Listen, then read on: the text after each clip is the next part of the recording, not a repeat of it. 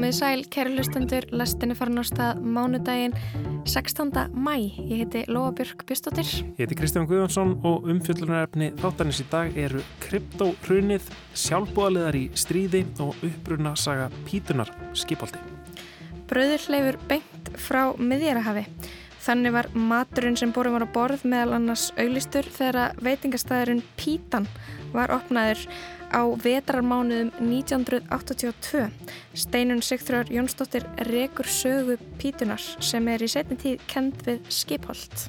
Eirikur mun hafa smakkað réttin um sumarið, kannski ekki nema einu sinni, að kannski hann hafi verið fastagestur þar í fríinu. Við vitum að minnst okkurstu það að þegar heim var komið, þótti Eiriki tilvalið að hefja rekstur á samskonar stað í Reykjavík strax þrem mánuðum síðar. Í upphafi Úkrænustriðsins kallaði Volodymyr Selenski fórseti Úkrænu eftir því að erlendir sjálfbóðaliðar kæmu og berðust gegn innrás rúsa. Einhverjir hafa svara kallinu en það margir sem sjá stríðið í Úkrænu sem klassiska baróttu góðs og íls, Davids og Goliath. Þetta er landi frá fyrsta skipti sem að ungir eldhugar hafa ferðast yfir álfuna til að berjast fyrir hugsánu sínar. Nokkrir Íslandingar fóru þannig og börðust í spænsku borgarastyrjöldinni í aðdraganda setni heimstyrjaldar. Við ræðum við Ara Guðuna Högson, sakfræðing um Íslandingarna sem börðust á Spáni en Ari flyttur erindi um efnið á íslenska söguþinginu sem fer fram síðar í vikunni. Og þeir sagt, kalla eftir uh, því að fá sjálfbóðuleik gegn komitarni og komitenni fer þá uh, í gegnum alla sína sellur að sapna einstaklingum og gera það á Íslandi og í gegnum það þá kom fara þessi þrín menn allavega, já, þessi mm -hmm. þrýr En Kristján, við meðum ekki að gleyma því að í síðustu viku varð hér hrun um, Hvað áttu við með því? Það varð bara algjört hrun í allavega í rafmynda heiminum Ah, ok, einmitt Verði bitcoin og annara rafmynda bara hríði fjall Tapaði þú miklu?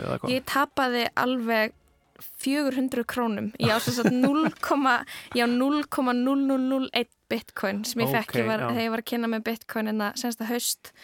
Þá var uh, maður sem var svo góður að millifæra á mig 0,001 bitcoin mm -hmm. og það er núna, já orðið bara að 300 krónum var á sínum tíma alveg 900 Ég, ég á aðeins meira, ég hérna kefti okay. sko fyrir tíðu skall Ríkastur eh, held ég í januar Núni í januar? Já Okay. og það er komið held í niður í svona 6.000 eða 7.000 eða eitthvað svo leiðis. Þetta eru greiðlega fjármunni sem þú hefur tapast. Það var líka svona eiginlega bara í rannsóknarskinni sko. Um, en, en, hérna, en það eru rosalega margir sem eru sko djúft soknir í þessu sem að töpuðu rosalega miklu að því síðustu viku. Ég var einn vinn sem var að sína mér þetta í parti, hérna sína mér snjálfsímansinn hérna og einhver svona gröf sem ég skildu þetta ekkert í, mm -hmm. en, en gröfin voru einhvern veginn öll á uppleið. Og svo voru þau rauð og niður. Niður, það ekki bara lengst niður, niður í heldýpið. Já.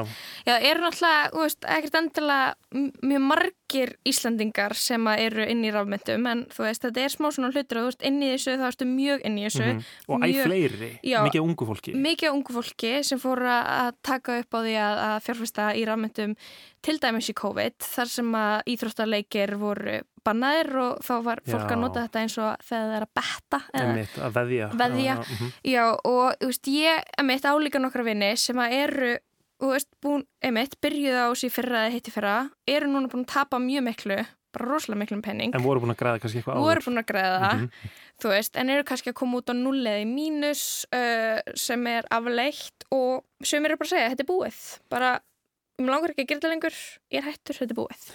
Fólk er búið að vera svo rosalega trúað á þetta uh, fyrirbæri sem að rafmyndinar eru, þannig að þú ert að segja að vinniðinni séu bara búin að missa trúna. Ekkur eru búin að missa trúna, okay. en aðrir eru ennþá heitrúaðir, en það er þetta kirkja, bitcoin eru halgjör trúabröð, þetta er faith-based gjaldmiðl eins og mm. er sagt á ennsku.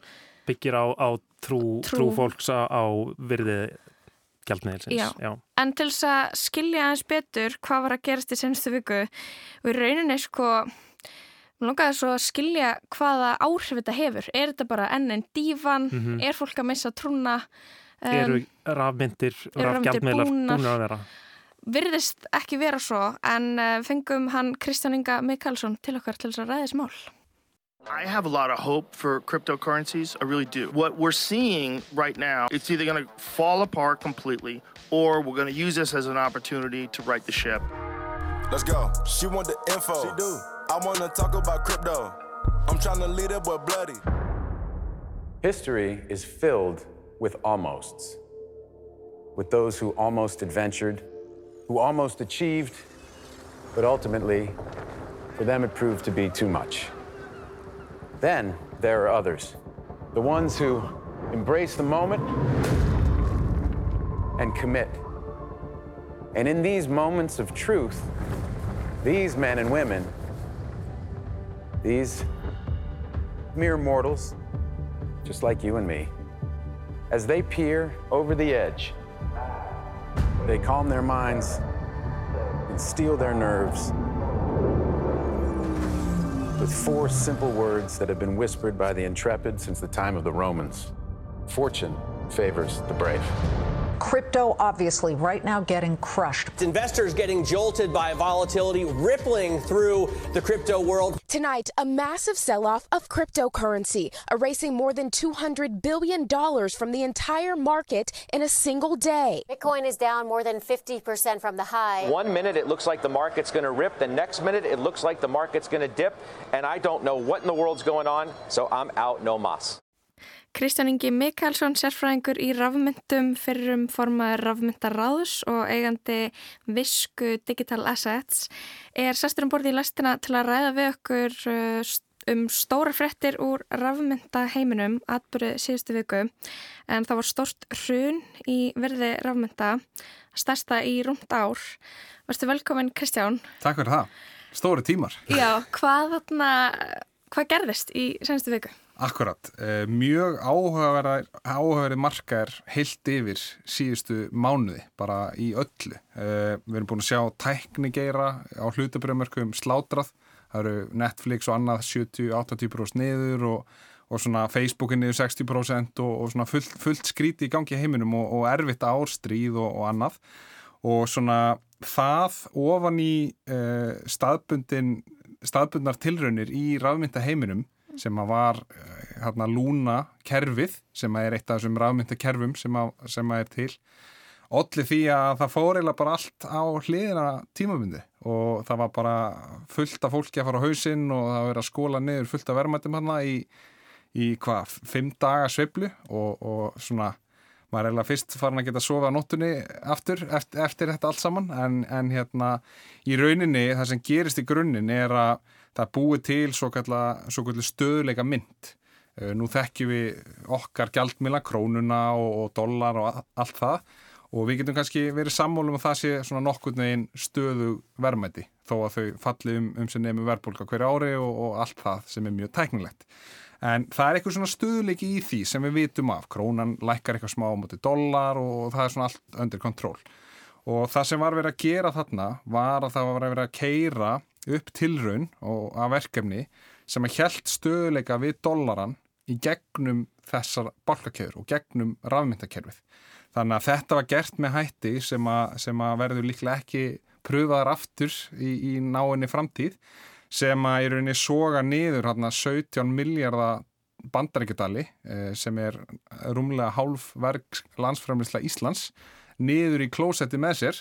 Það er þetta lúna, já, þessi lúna gældmiðl. Já, að það er rauninni kerfi sem að byggir á því að það svona ef, ef við tökum mjög stutta sögu, balansar sér sjálft, það er engin svona seðlabanki á bakveða sem, sem að heldur utan um þetta, það er engar raun eignir á bakveð allt saman, það voru kannski 20% eignir á bakveð mm. og í rauninni mekanismin sem átti að vera góður til þess að bjarga kerfinu þegar að illa færi, allir því að kerfi endalega sprakk svona hratt, þannig að það er rauninni snýrist gegn því og, og hérna og allir því að bara sogaði niður verðmættin. Mm. Það sem síðan gerðist líka er að það var ekki nóg með að þetta kerfi sjálft ætti 17 miljardar bandarækjadali.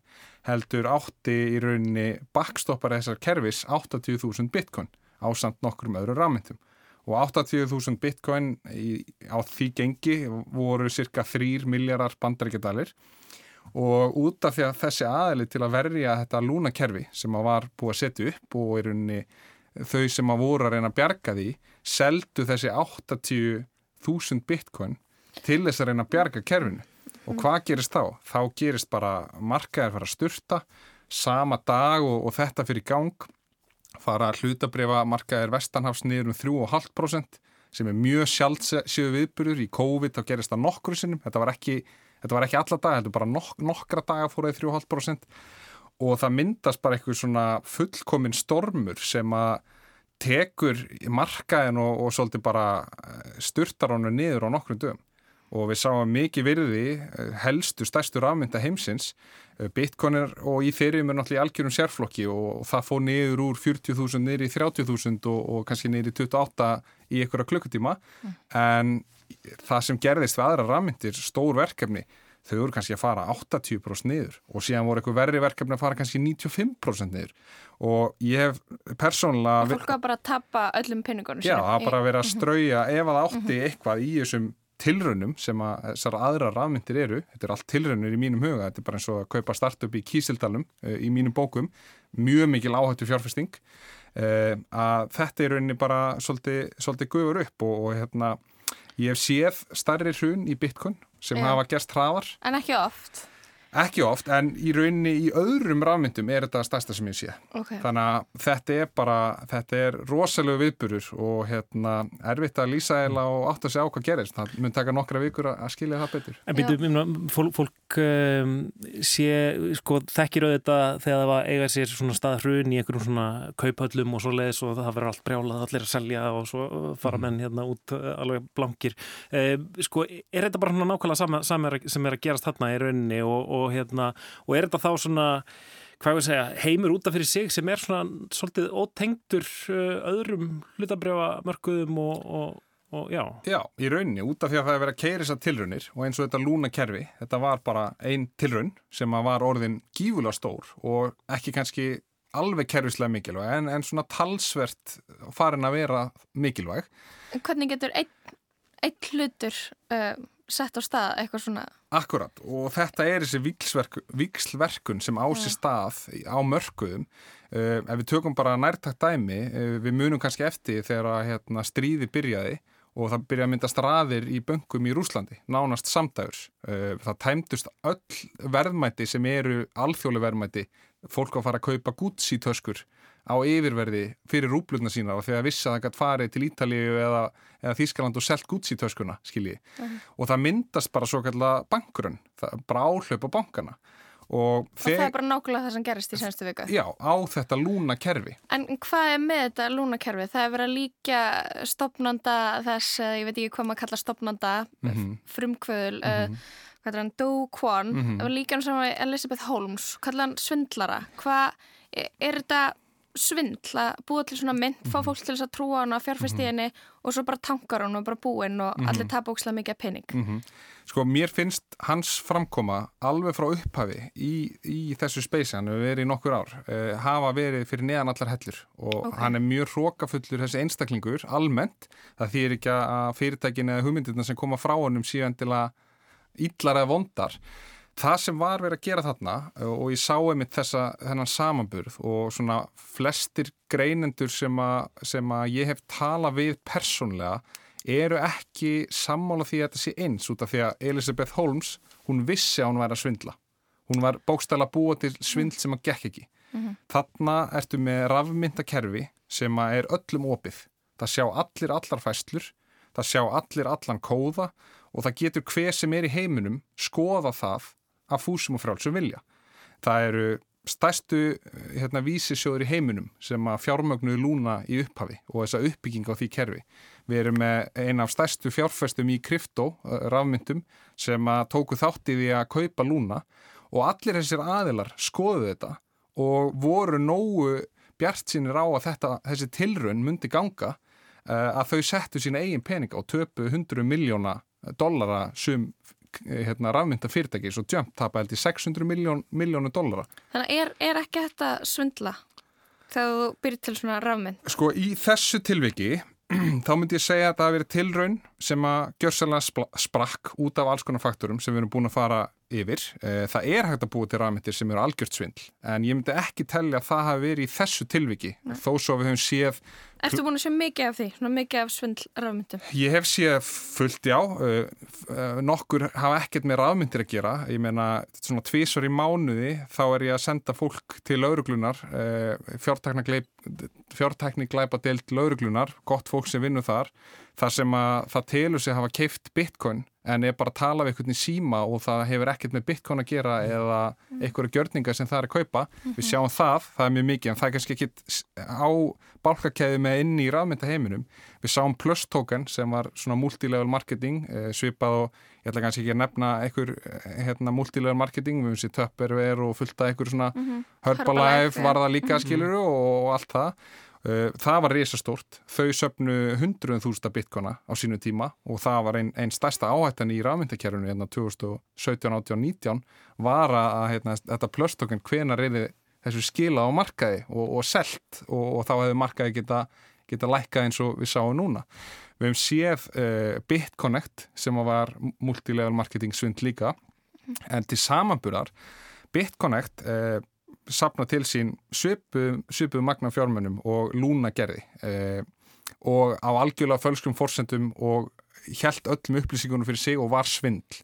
Fólk í geiranum meðan við gekk vel var að segja þetta er algjörst svindl, fólk passi ykkur á því. Það sprakk og það fjall hægar heldur en lúna gerði Mhm. út af því að það var bankaáhlaup. Á meðan að BitConnect var að hrinja þá trúði fólk ennþá á BitConnect af því það vissi ekki betur á meðan í lúnakerfinu þá vissi fólk að þetta var að fara niður í núl allan að fólk sem var eitthvað að reyna að greina þetta í rundtíma það sá, sá bara að þetta er bankáhlaup það er hérna 3 miljardar doll, dollara til að verja 17 þetta mun fara niður í núl og vissulega ykkur sem er reynda að grípa þetta og kaupa þetta og, og allt það en bara svona þetta er, þetta er svo frábært space finnst mér út af því að það er verið að búa til hérna mikið af, af tækifærum og, og nýri tækni en á sama tíma er þetta gjörsamlega stór hættulegt út frá fjárfyrstingavinkli fyrir einstaklinga og einstaklingar eiga ekkert og hafa ekkert með það að gera að vera að snerta á þessum eignum.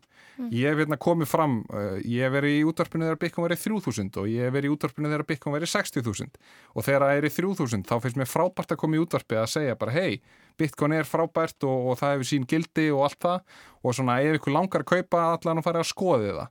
Ég hef aldrei, ég talaði um í þeirrum líka, ég hef aldrei komið og, og sagt hérna hei, nú þurfum við að fara að kaupa rafmynd Upsilon eða X eða eitthvað slíkt því að það er bara alls ekki að sama. Við erum að sjá hérna stafrannan heim, við erum að sjá, við þurfum stafran verðmæti, gull er búið að vera með okkur lengi og Bitcoin kemur þar og í þeirrum er að koma ön, önnur notagildi og það er svona stóra myndin en út af breyskleika mannsins að þá förum við alltaf í eitthvað sem er áhættu samara og ég hef lendt í því út á götu persónulega að, að ég er svona oft kem fram og tala um þessi mál mjög opinskátt í, í fjölmilum alveg sama hvernig gengur. Og það hefur bókstala fólk komið að mér og sagt við mig að ég skil ekki neitt að því ég eigi ekki hérna Cumrocket eða Shiba-coin eða eitthvað kæftæði af því að þau eru búin að græða tíu sinni meir en ég Já. og En líklega töpuð því allir senstu viku Já, og það er að leiðilega, Mhm. og ég segi það ekki við fólk beint, skilur, hvað á maður, að- hvað á maður að segja, bara já, ok, þú hefur kannski rétt fyrir á þessari sekundu, en síðan bara er þetta, þú veist, eins og bara Warren Buffett og fleiri segja, það tekur tíma að spila úr tækni og trend og þú þart að halda hlutum lengi og 90% af rafmyndum er eitthvað sem ég myndi ekki eiga í meira en eitt ár. Mm. Ég, þó að ég væri búin að grúskiði öllu. Ég er tilbúin að eiga bitcoin, fara í djúpsvefn og vakna eftir 10 ár, 20 ár, 30 ár. Ég væri örgum með það. Mhm. Ég myndi vera svona nokkuð samfærur um í þérum. Uh, ég, veit, ég myndi ekki setja peningi neitt annað í rafmynda heimum og, og gleyma mér í 10-20 ár, ekki neitt. Þannig að þar liggur þessi stóri munur. Já, en nú er einhverju að segja að bara, að krypto er búið, bitcoin er búið þetta er bara, þetta er að tanka stöðugt það var sveipa dipp uh, fyrir ekkert þá lengur síðan. Mhm. uh, hvernig hafið þið ennþá trú á þessu? Uh, hvað er fólk að segja í, í kringum þig? Eru margir að gefast upp Akkurat. og hoppa frá borði? Eh, Sko, ég myndi ekki segja kannski í kringum mig, en maður heyrið alveg út undan sér að ég meina fólk sem að tapar stórum fjárhæðum er auglustlega ekki að fara að koma aftur inn í henn að geira. Og það er kannski að sorglega að hérna, finna einhvern geira sem er tæknithróun og upp á við til lengri tíma en fara sér í rángan hlut innan geirans. Kaupa hérna AOL leitavelina þegar þú gast keft Google og, og allt það skiljið og hérna það er kannski svona í kringum mig, fólk er alveg orðið hrætt en, en 30.000 dólar að bitcoin er mjög hátt bitcoin. Við sáum í hruninu sem átti sér stað þegar að Trump lokaði á flugsamgöngur til Evrópu sem að enginn held að geti gerst í, í vestrannum heimi og allir markaðir hundu bara 10% daginn eftir bitcoin fór í 3800 dólar eða eitthvað, aftur sem ég held að myndi aldrei gerast aftur í lífinu mínu. Uh, það var fyrir tveimur árum síðan. Uh, nú erum við í 30.000, við erum nánast áttasinnum herra verðgildi en við vorum þar og er rauninni fyrir fólk sem hefur séð þetta og, og verið í nokkur ár. Þetta snýst alltaf um að halda sér ykkur tíma Eh, það er ekki verið að skóla fólki út úr geiranum sem er að byggja hugvit, eða byggja hugviti, byggja fyrirtæki, er búið eigið í nokkur ár. Vissulega er þetta sársökafullt fyrir fólk sem kannski kefti bitcoin í 50.000 eða 60.000 eða 69.000. Það er bara mjög sársökafullt að vera hérna 50% niður og, og heimsmarkaði munu fara neðar á það að fara upp og það er bara þannig. En svona heilt yfir að þá er bara nöðsilegt fyrir öll kerfi, hvort sem það er hagkerfi eða bitcoin kerfið eða aðra rafmyndir og þeirra kerfi að fá svolítið kalda guðsu í andlitið út af því að það sem við séð á setni árum bara í heiminum er ekki búið að vera heilbrikt ástand. Það er búið að vera til allt og mikill peningur þó að fólk sé jaðarsett og, og finna ekki endilega líka fyrir því.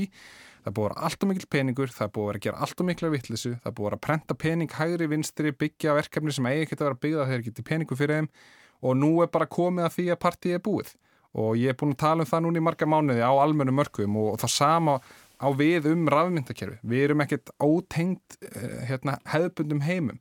Við sjáum að Bitcoin að byrja að fara upp í gær og, og síðan opna hlutabriðamarkaði niður og Bitcoin fer strax 23% niður þetta er allt eitthvað tengt skiljið og við erum með stríð og hérna, kveiti hefur aldrei verið jafn dýrt og, og Indland var að banna útflutning. Og veist, er, svona, þó að ég sé mikill rafmynda maður þá er ég fann að spá miklu meira í heimshagkjörunu og, og hvað er mhm. gerast þar líka.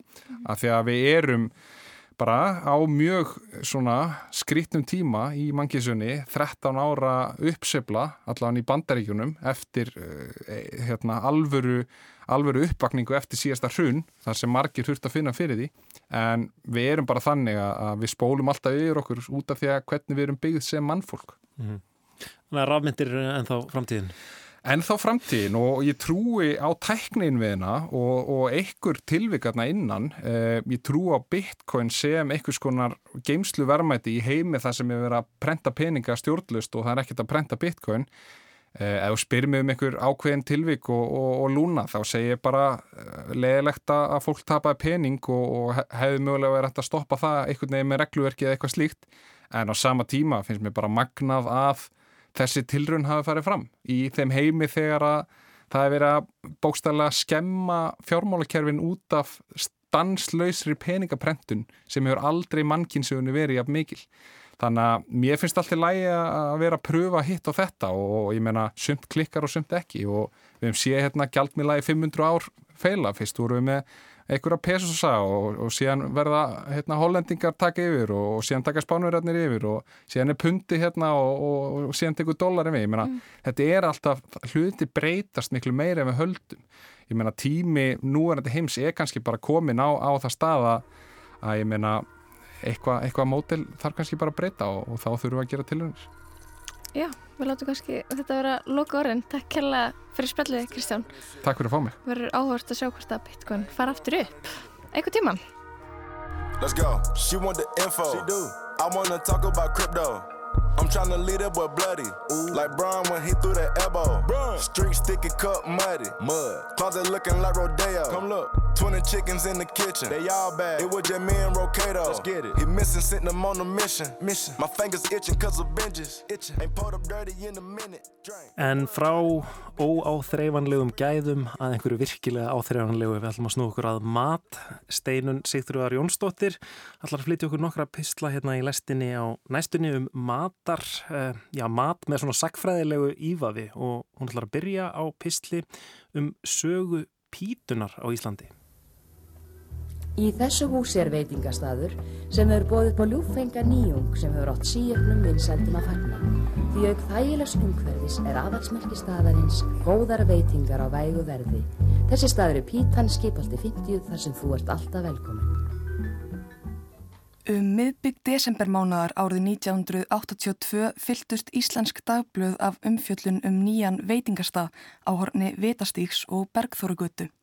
Staðurinn var sagður bjóða upp á rétt sem um þúsundir ára hafi verið borin fram í miðjararhafslöndum. Annar staðar var fjallaðum bröðurleif beint frá forgrikkjum sem væri loksins komin til landsins.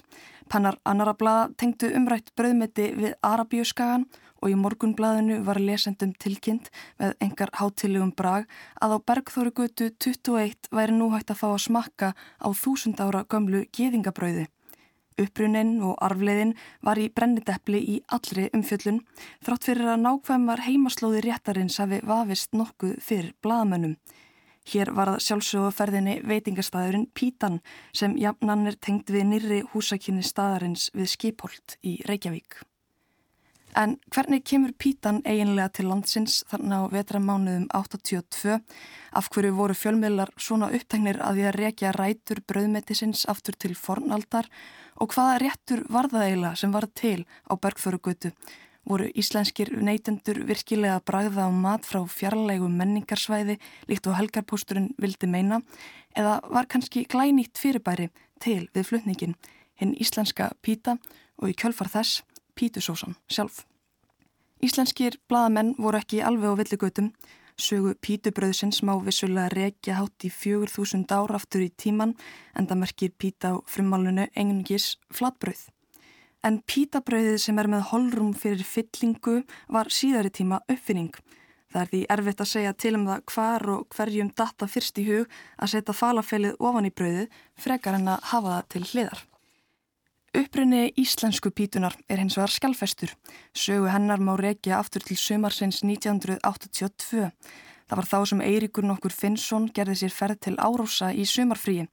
Að einn sögn hitt hann þar grískan stúdent sem rak veitingarstaðin Akropolis og líkt og Eiríkur átti eftir að gera síðar meir sérhæði gríski stúdentin sig í pítum. Eiríkur mun hafa smakka réttin um sumarið, kannski ekki nema einu sinni, að kannski hann hafi verið fastagestur þar í fríinu. Við vitum að minnst okkurstu það að þegar heim var komið þótti Eiriki tilvalið að hefja rekstur á samskonar stað í Reykjavík strax þrem mánuðum síðar. Stað sem sérhæfðis í pítum og bauð upp á þúsund ára gamalt brauð frá óræðum en fjarlægum stað. Ekki fekk hann uppskriftina af brauðinni frá kokkinum á Akropolis eins og kemur fram í viðtali við hann og við getum líka reikna með því að kvítasósan sem pritti réttin á Akropolis í árásum hafi verið örlítið frábröðum því sem var til í eldúsi Eiriks en söguhetjan okkar er betur þægt undir öðru nafni, jú E. Finnsson, sósugjarameistari. Það er ágættir stæradvöl að velta því fyrir sér hvers konar sósa var á bóðstólum í veitingarstaðinum í árásum ætli íslenska pítusósan sé tilreyn til endurgerðar á eitthvað skonar jógurtsósu, jável grísku tzatziki, eða bauðin ónemdi grekki líka upp á majónes með örbde provinskrytti. Það er vægast sagt ólíklegt. Grænmetispítur, Mexikópítur og heilsupítur. Pítan skítholti. Afsakið. Píkan skítholt. Afsakið. Hér fór þölur ekki alveg rétt með. Þetta á að vera píkan skip... Nei, nei, nei, nei, nei. Þölur byggðist velverðingar, ég hef lesturinn að nýju. Grænmetis píkur, Mexiko... Nei, þarna var þöli aftur á í massunni. Píkan... Við reynum aftur. Grænmetis píkur, Mexiko... Píkan skítholt. Á síðari hluta 20. aldar átti sér stað svo þróun að með tímanum fóru fleiri að borða hátegismat utan heimilis en áður vegna breytinga á vinnumarkaði. Þá lág beint við að sækja heim hérna ímsu veitingarstaði og skyndibita búlur í bænum sem fjölgaði til muna.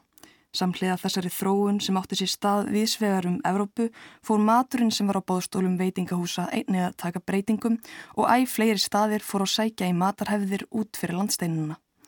Í markasetningu var oft í að aðví að upplifun við það að borða framöndi mat kæmi beinleis í staðin fyrir ferðarlög til fjarlægra landa og lögð var ásla á að neytendur væri raunverulega að kynnast framöndi menningu.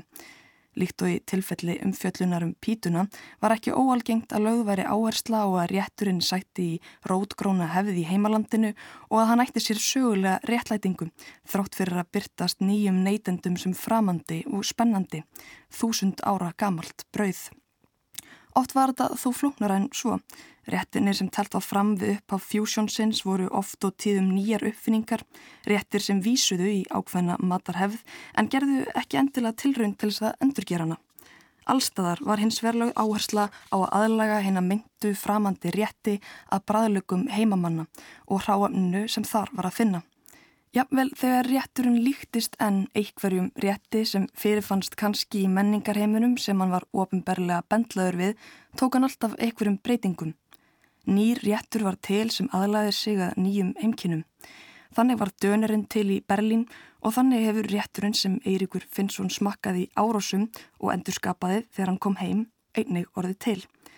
Það sem verður til þegar Eiríkur endurgerir endurgerðina, það er eins vegar örlitið flóknara ferli og ákanski meira skilt við það hvernig ananasinn rataði fyrst á pítsu í Kanada.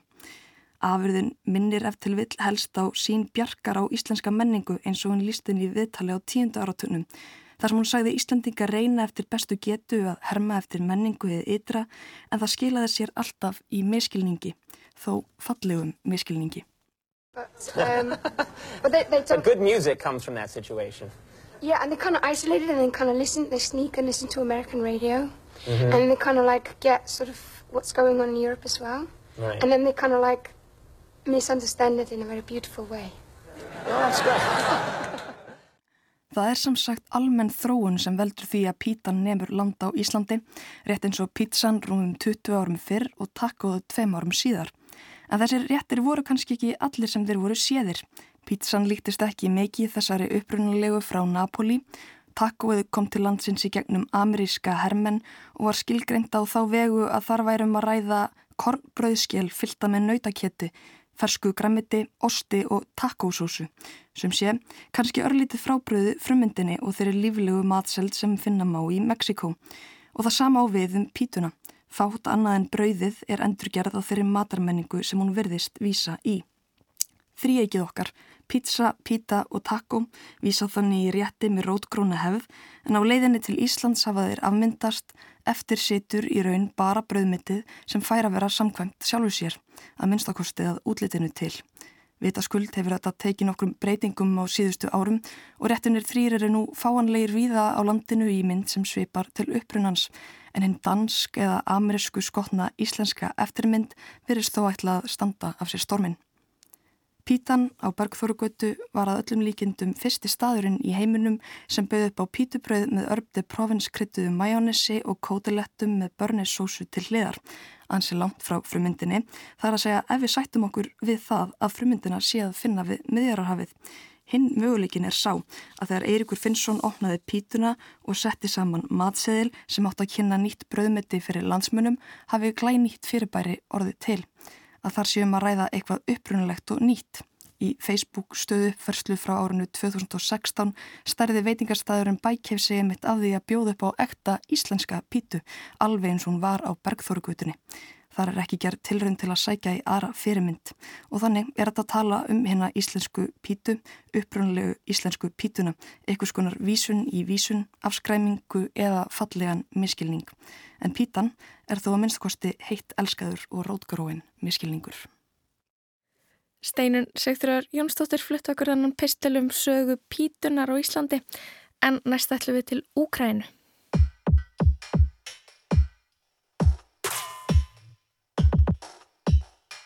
Україна вже зустрічає іноземних добровольців, які йдуть в нашу державу. Перші з 16 тисяч вони їдуть захищати.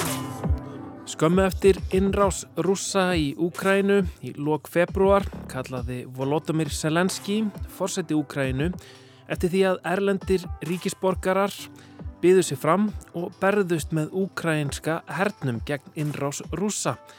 Berðust með Davíð gegn risanum Góliat, með hennu góða gegn hennu illa, með undir okkari þjóð gegn kúandi innrásarherr. Join the fight for liberty, for the human rights, for the free world. Join the Foreign Legion of Ukraine. Talið er að alltaf 20.000 manns frá 52 þjóðum hafi bóðið sér fram og hafi mætt til að berjast í Úkrænu. Sangan talsmanni útlendinga herdildar Úkrænuhers þurfa sjálfbóðaliðarnir að hafa bardagarinslu, þeir þurfa standast ákveðin próf og fá 500 efrur í mánaðalön.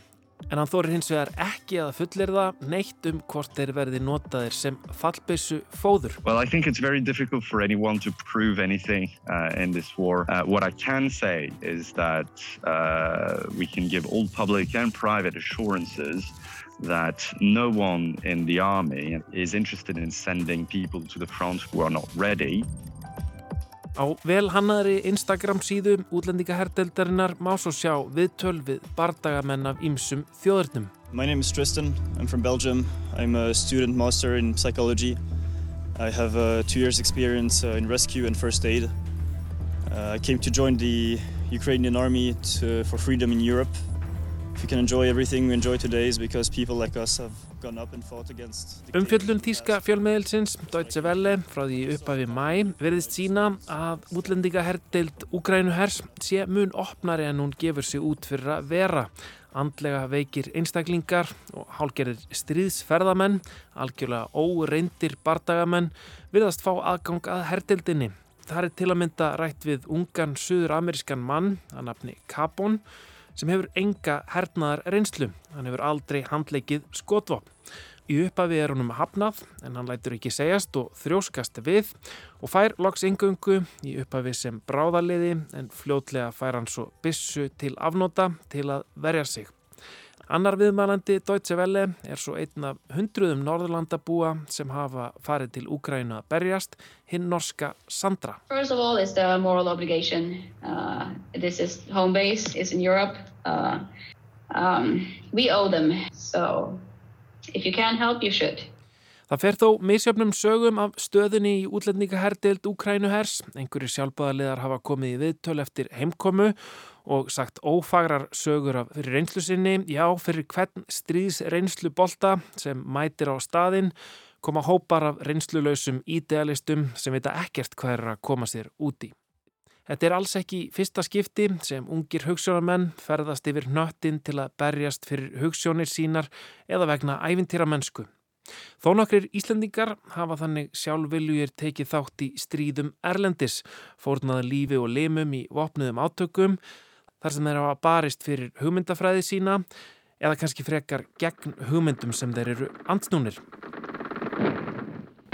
A las urnas socialistas que el triunfo nuestro ha de ser Peleemos con denuedo Kvöldið lagðist yfir, kyrst og vingjarlagt. Við tókum sæti í lestinni og hagrættum okkur. En ekki var haldið að stað. Ég fór á stjájú, það var ekki um að villast. Þetta var ekki vennilegt ferðarfólk. Engir fínir menn með stóra töskur, ekkert hvennfólk eða börn. Allt menn á besta aldri, fanokurslausir eða kalla. Og það sem var enn aðteglisverðara, menn af ýmsum þjóðum. Þar gæti að heyra pólsku, þýsku, tjekknesku, ennsku, frönsku. Engin háfaða samtöluða sköll, heldur kirlát eftirvænting. Það var einkennilegur samhugur yfir öllum í vagnarinn. Þessir menn hlutu allir að vera sjálfbóðaliður. Kanski voru allir eftir fullaðin. Líklega er spænska borgarastyrjöldin sem braust út árið 1936 fyrsta slíka stríðið þar sem fólk ferðaðist viðsvegar að úr Evrópum sjálfviljugt til að taka þátt en það leitt fólk á þetta sem baráttu góðs og íls.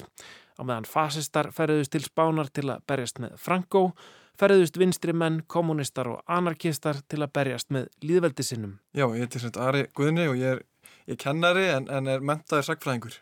Á Íslenska söguþinginu sem Sagfræðingafélag Íslands heldur í vikunni mun ungur sagfræðingur Ari Guðni Haugsson fjalla um íslensku sjálfbúðaliðana í spænska borgarastriðinu og ástæðunar fyrir þáttöku þeirra.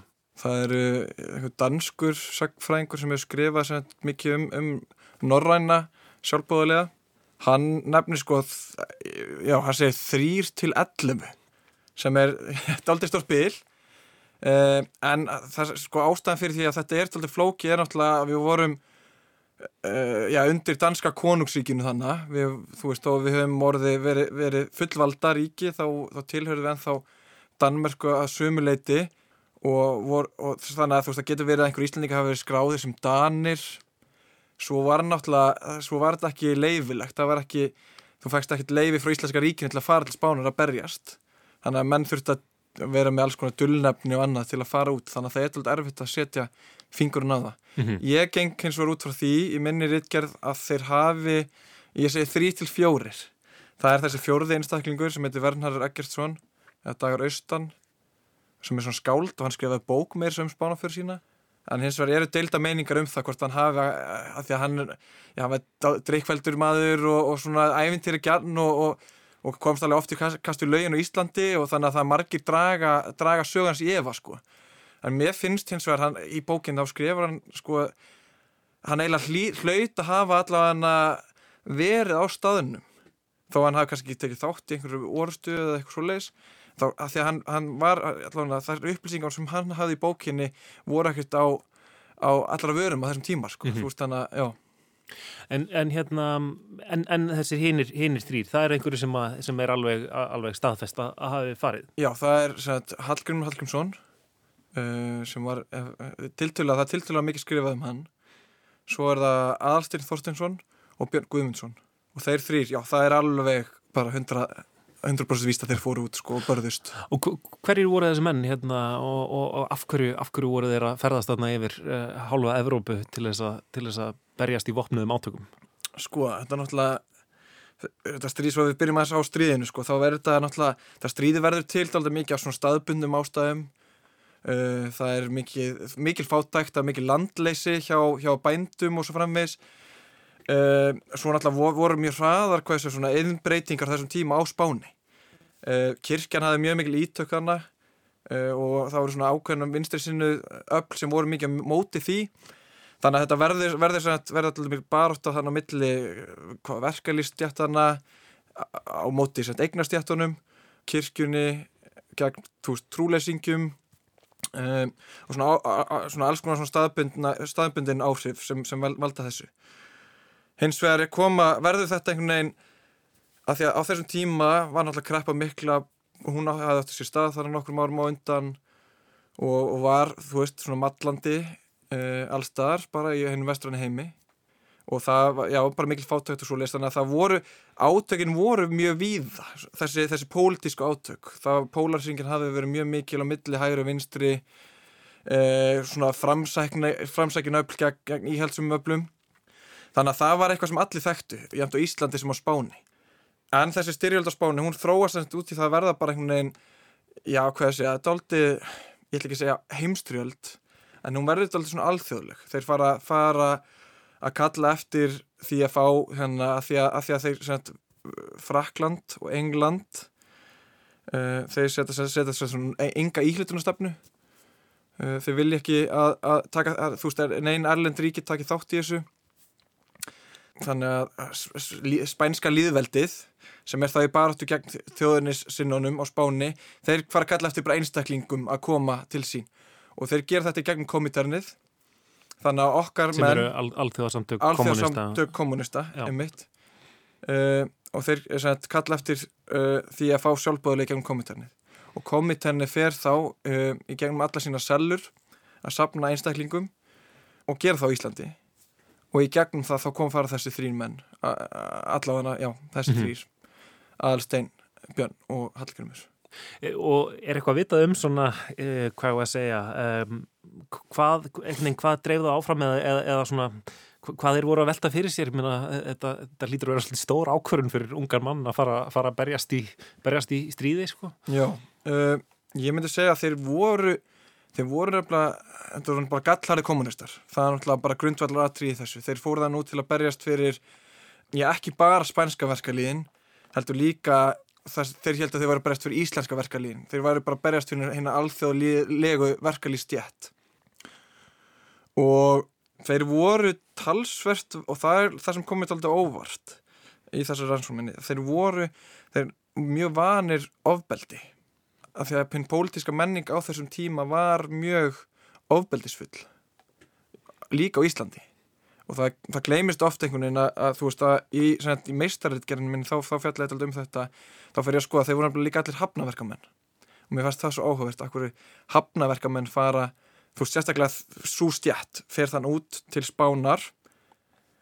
En sem það voru mjög mikil átök og ég fór að skoða það, sem mikil átök bara á höfninni. Mm. ekki bara, þú veist uh, já, annar staðar heldur þú veist, sérstaklega á höfninni af því að það, þar þar komir uh, þýsk skip til dæmis og þeir höfðu, höfðu, höfðu ráðist á þau til að stela fá, nasista fánum og alls konar þannig að þeir, þeir voru mjög vanir því að taka þátt í átökum Mhm. og jáfnvel vopnuðum átökum eins og það eru tvö dæmi þar sem, þar sem þessir menn og þar sem þeir kölluðu varnarlegi verkalýsins ráðast á tvö skip díunuskipið og æterskipið og í, í allavega öðru tilfellinu þá, þá gripu sjóarannir til vopna þeim voru bara með byssur og barefli sko, að, Mhm. að berjast á móti þessum hafnaverkamönnum þannig þannig að þeir voru hvað ég segja, þeir voru bara já, þekktu til ofbelsins og voru alveg bara, bara tilbúinir að berjast og leggja lífsitt í sölunar fyrir, fyrir kommunismann og, og fyrir þá uh, já, verkalýstettina Útivistinn á Hrossafelli var miskunarlaus og hörð. Svefntímanir voru ekki íkja margir, allan daginn slekti hinn spænska sömarsól allt dögt og lifandi. Oft var engin vastrópi til í allir línunni. Matur kom aðeins þegar myrkrið grúði yfir. Var að vísu góður eftir aðveikum, því matstjórin Gerhard var óþreytandi framtags og dugnaðarmadur, en skamturinn var jafnan skorinn. Engin liðsauki fylgti skörðin, engin maður fekk að yfirgefa stöðvar sínar, menn urðu að liggja í opnum gröfunum dag og nótt með fasista hnjúkin gnæfandi yfir sér. Mínu jél sérkvært dag, fallbessu sprengjur kvínandi í loftinu, kúlnablástur við eirun ef einhver gegðist upp yfir brjóstvörðina. Og hvaða stund sem var á nóttu eða degi gáttu árásir og gagnárásir hafist fyrirvara löst. Með því að allar eldgáttir hinn að þryggja hæða opnuðust eins og stutt var í á hnapp. Þessir Íslendingar sem fara þarna, þeir eru þarna að, að- að fara greinilega af, af mjög skýrum hugssjóna ástæðum einhvern Mhm. veginn. Nema þessi kannski fjórði eða hvað, hérna, sem, sem er óljóst hvort það hefur verið þarna eða hvað. Já, hann, sko, já, hans ástæði er kannski einmitt frekar einhvern veginn uh, tilvílega kent að hann hafi þá, samkvæmt bókinni, þá var hann stattur á Spáni þegar styrjöldin á sér stað. Bara fyrir tilviljun eða hvað? Já, hann var bara á einhverjum, uh, já, ég held bara á, ég veit ekki, einhverjum kannski flutningsskipi eða, eða, eða fiskveðskipi, ég man ekki hvort það var, sko. En það var náttúrulega talsverð, talsverður sem að, uh, já, innflutningur, útflutningur til Spánar frá Íslandi. Saltfiskurinn og Mhm. og svo fluttuði rappelsinur á móti til Íslands og eitthvað svo leið sko. En hérna, er eitthvað að vita síðan sko hvernig, hvernig þessum mönnum farnaðist sko í, í þessari styrjöld? Já, ótrúlega þess að liði allir, allir allan þessi fjórir sem ég rannsakaði liði þeir allir styrjöldina af en uh, þessir þrýr sko, hann Vernharður uh, ef við ætlum bara að byrja honum þá er náttúrulega sagan hans er alltaf svona ævintýraleg og þá er, er segir hann að hann hafa átt hætt að vera dreifin fyrir herjætt af spænska líðveldinu og flýr þess vegna kemst til, kemst til Íslands aftur. En hinnir þrýr, þeir særast allir á einhverjum tímapunkti. Og já, Björn og já, hvort það var sko Hallgrim allan að hann kemst, kemst beint til Íslands. En með minnir að það hafi verið frekar, jú það var kannski Björn sem þarf að fara sem að hann þarf að lappa særður frá Spáni eða Katalóniu allaveg yfir Píranafjöllin til Fraklands Vá. særður sko og þannig að til að komast undan af því að þá var hann náttúrulega að fara að halla verulega undan fæti hjá liðveldu sinnum og, og þau voru að missa hvert hér að fætur örum í hendur, hendur þjóðinni sinna. Þannig að hann flýr bara svona rétt svo undan og endar sem þetta í, í frönskum eða flóttamannabúðum eða, eða já það sem mm. taka og svo kemst hann þaðan til Íslands Já. Vá, eh, hérna, Mhm. og, og, og ein- eins og þú sagðir þá, þú veist, er þetta kannski ekkit endilega eh, með samþykki yfirvalda hérna á, á, Íslandi sem að þessi menn faraðan út. Um, hvernig tekið á mótið, veistu það? Og svona, Hérna heima? Já, hvernig svona hvernig viðtökurnar eru að, að menn hafi verið erlendir sem berjast, berjast í stríði sjálfvæðilegar. Sko, já, sko, þeim er, þeim er tekið, þeir þurfa náttúrulega að komast fyrst til kaupmannafnar á þennan komað hingað og þar tekur sett, uh, já, ver, já verkarlýsreyðingin á mótið þeim sko, tekur á þá af því að það er náttúrulega líka miklu, miklu fleiri einhverju danir sem hefur farið að berjast hana uh, en eins og þegar koma til Íslands þá er það bara, er bara þögn sem tekur á mótið þeim sko Og bara, Já. hverstasleikin bara. Já, Uh-huh. einhvern veginn Já. Þú veist, uh, já þannig að það var, já, ekkert, ekkert, ekkert pomp eða prakt eða neitt sko, og ekki heldur fangilsvist sem býður það er bara, það er eiginlega algjörst svona hlutleysi Mhm. þeim sko Voru engir íslenskir sko fasistar sem, sem fóruð að núta að berjast? Nei, það er ekki vita til þess að uh, einhver íslendingur hafi farið út að berjast fyrir þjóðinu sinna, nei, það er ekki engar heimildir Mhm. en sko fyrir því en, en, en það er alveg vitað að það var eins öllu Íslandi sem stuttu fyrir þjóðinu sinna heldur en heldur en uh, líðveldið Finnst, þér- vera einhverja svona sko hliðstæður uh, varðandi sko, stríði í Úkrænu núna og, og, og spænska borgarstyrjöldin uh, varðandi svona þennan hérna, liðsöfnuð í Evrópu? Ég, mér fannst mjög áhugavert, ég var að horfa á viðtal við breskan sjálfbóðilega í, sem er sagt, núna sjálfbóðilega í Ukrænu og hann talaði um spænsku borgarstyrilduna og hann sagði, ég fyrir hérna út af því að núna þá, þá, þá já, hann vísaði að sem þetta að, að í spænsku borgarstyrildinni að þá hafi það verið þetta væri bara þetta að ef þetta líðveldi sinnar hefðu getað sigrað þjóðinni sinna þarna þá hefði kannski verið möguleik að koma veg fyrir sinni heimstyrildina, hann vísaði það. Og hann var að segja sem þetta að ef Úkrænumenn getur stoppað rúsa þá, þá var það sambarlegt, þá getur stoppað einhvers konar, Hmm. já, mögulega heimstyrjöld já, þannig, að- þannig að þeir eru alveg að vísa beint til þess sko, og svo náttúrulega er þetta ákall Úkrænustórnar eftir að fá sjálfbóðilega frá Európu, Rey- reyna með herþjálfun, þeir báði sérstaklega um það ég tók eftir því, það er náttúrulega kannski munurinn á uh, á spánastriðinu þá vildi þeir ekkert endilega fá menn með herþjálfun heldur bara hver, hvern sem er sko. Mhm. En það segir kannski líka bara eitthvað um, um hvernig stríðsátök hafa breyst, á þessari tæpu öldeila.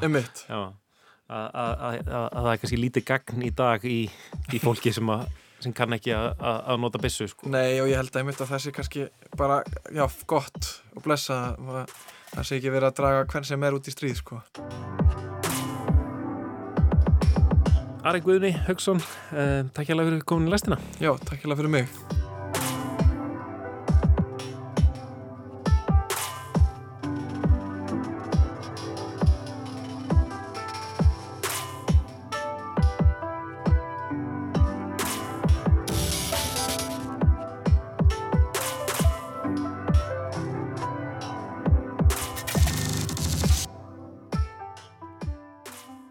Ari Guðni Haugsson, sakfræðingur, er einn af þeim sem kemur fram á íslenska söguþinginu setna í vikunni. Þetta er svona Æsland Airwaves sakfræðinga held ég. Já, er það ekki?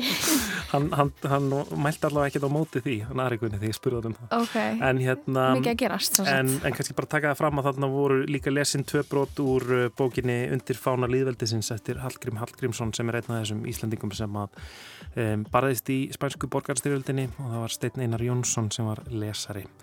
Við vitum ekkert hvort það sé ykkur Íslendingar komnir til Úkrænu núna Nei, ég hef allavega ekki heyrt neinar fréttir af því sko. Nei, einmitt. uh, ég var svona velta fyrir mig hvort ég ætti að uh, leita, uh, leita til utaríkisræðanetir sem svo spurja en ég hafði ekki tímið það. Nei, mynd, já, þannig að auðaríkisáðan myndi kannski vita það Ég veit, já, er það ekki? Eða hvað? Kannski er fólk ekki að láta vita láta yfir, yfirveldi sínu ríki vita Nei, ég ve- veit það ekki Einmitt, en já, ég, það er spurning ég allavega hef ekki heyrt á neinum Mhm. en um, við erum komin á endastöð í dag. Við endum þáttinn í dag á þessari tónlist. Þetta er Lorraine James til dæla nýtt frá henni, breskar á tónlistakona Við Kristján og Lóa verum hérna aftur á sama tíma á morgun. Tæknum aðeir í dag var Lítja Gretastóttir Verið sæl